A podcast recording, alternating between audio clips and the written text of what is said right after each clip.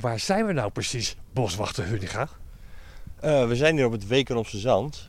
En uh, ja, een natuurgebied uh, van de ja, Stichting Het Gelders Landschap en Kastelen. Ik zie grove dennen, ik zie heidevelden. Ja, ja het uh, Wekenomse Zand bestaat eigenlijk voornamelijk uit stuifzand. Ja.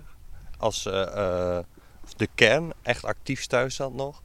En verder bestaat het terrein uit bossen, heides, kosmosvegetaties en ook een aantal landbouwgronden. Het is best groot hier, hè? Ja, heel groot. Ja, wat ik zei, uh, ja, 540 hectare uh, grond. Ja, uh. Jij hebt hier ook die, die, oude ijzerboerderij toch in de buurt? Ja, een, we hebben een ijstijdsboerderij. Het Wekenomse Zand ligt in een Celtic Field complex.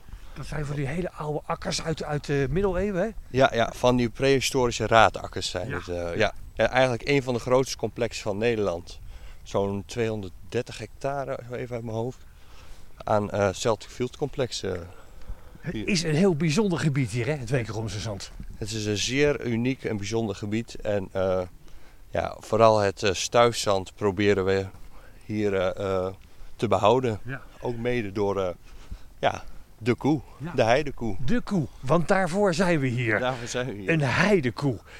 Uh, ja, er zijn natuurlijk verschillende soorten koeien. Hè. Nou kom ik uit de stad en dan ken ik alleen maar het roodbond en het zwartbond. Oh, en de blaarkop uh, en de lakenvelder. Maar er zijn natuurlijk veel meer soorten koeien. Klopt. Ja, wat we hier hebben is het type heidekoe. Ja. Die wij als uh, ja, GLK in ja, 2006 weer hebben geïntroduceerd in Nederland.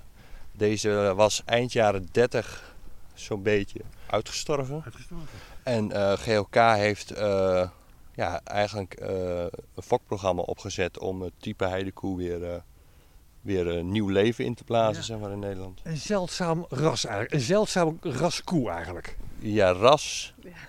Zeldzaam type koe. Uh, oh, maar daar kan koe. Cynthia misschien wat meer over. Ja, Cynthia, jij bent ook van uh, Gouden Landschappen en Kastelen. Wat doen we met die heidekoe hier eigenlijk?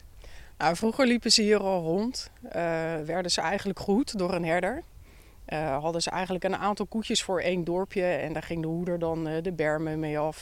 de oogsten, resten die werden weggehaald. Daar zijn ook prenten van, van vroeger. Ook vanuit dit gebied dat ze hier waren. Ons Gelders Landschap die heeft bedacht van... nou, we willen het natuurbeheer zeg maar, weer met die koeien gaan doen. En dan halen we ook de koe terug die hier voorheen liep. Alleen dat is niet zo heel makkelijk gebleken, want we kunnen het niet echt over een ras hebben. Het is waarschijnlijk meer een type koe.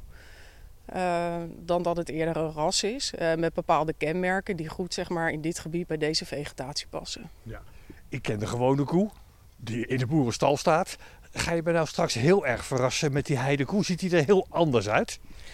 Nou, als je een echte koeierkenner bent, dan zie je het verschil wel met het uh, typische melkvee. Uh, ik moet wel eerlijk zeggen dat heel veel bezoekers het verschil eigenlijk niet zien. En het grappige is dat ze dan vaak zeggen van, oh, er staan koeien op de hei. En dan denk ik, ja, het is een heidekoe. maar dat uh, zien die mensen vaak niet. Maar als ze zo meteen bij de koeien zijn, dan kan ik wel een aantal dingen laten zien, zeg maar, aan hun bouw en aan hun uiterlijke kenmerken, waar ze echt wel verschillen. Waarvoor wordt de heidekoe ingezet? Nou, wat we hier vooral willen is dat het schaal blijft. Hè. Er zijn natuurlijk heel veel, door de, ook door de stikstoftoestand, alle bedrijven natuurlijk hieromheen komen hier eigenlijk heel veel voedingsstoffen in het gebied. Waardoor de vegetatie ja, op zo'n manier verandert. Waardoor eigenlijk nou ja, dat stuifzand langzaamaan gaat uh, verdwijnen. En het doel eigenlijk van de koe is, of de taak, het werk van de koeien hier is dat zij uh, ja, de vegetatie behouden zoals die is. Dus dat ze het gras zeg maar, tussen de heide uiteten, uh, dat ze de jonge plantjes opeten, dat ze doordat ze door het zand lopen, zeg maar, ook het zand gewoon open houden. Ik ben reuze nieuwsgierig hoe ze eruit zien ondertussen. Is het nog ver? Uh, nog 100 meter lopen denk ik. 100 meter lopen en dan zijn we er.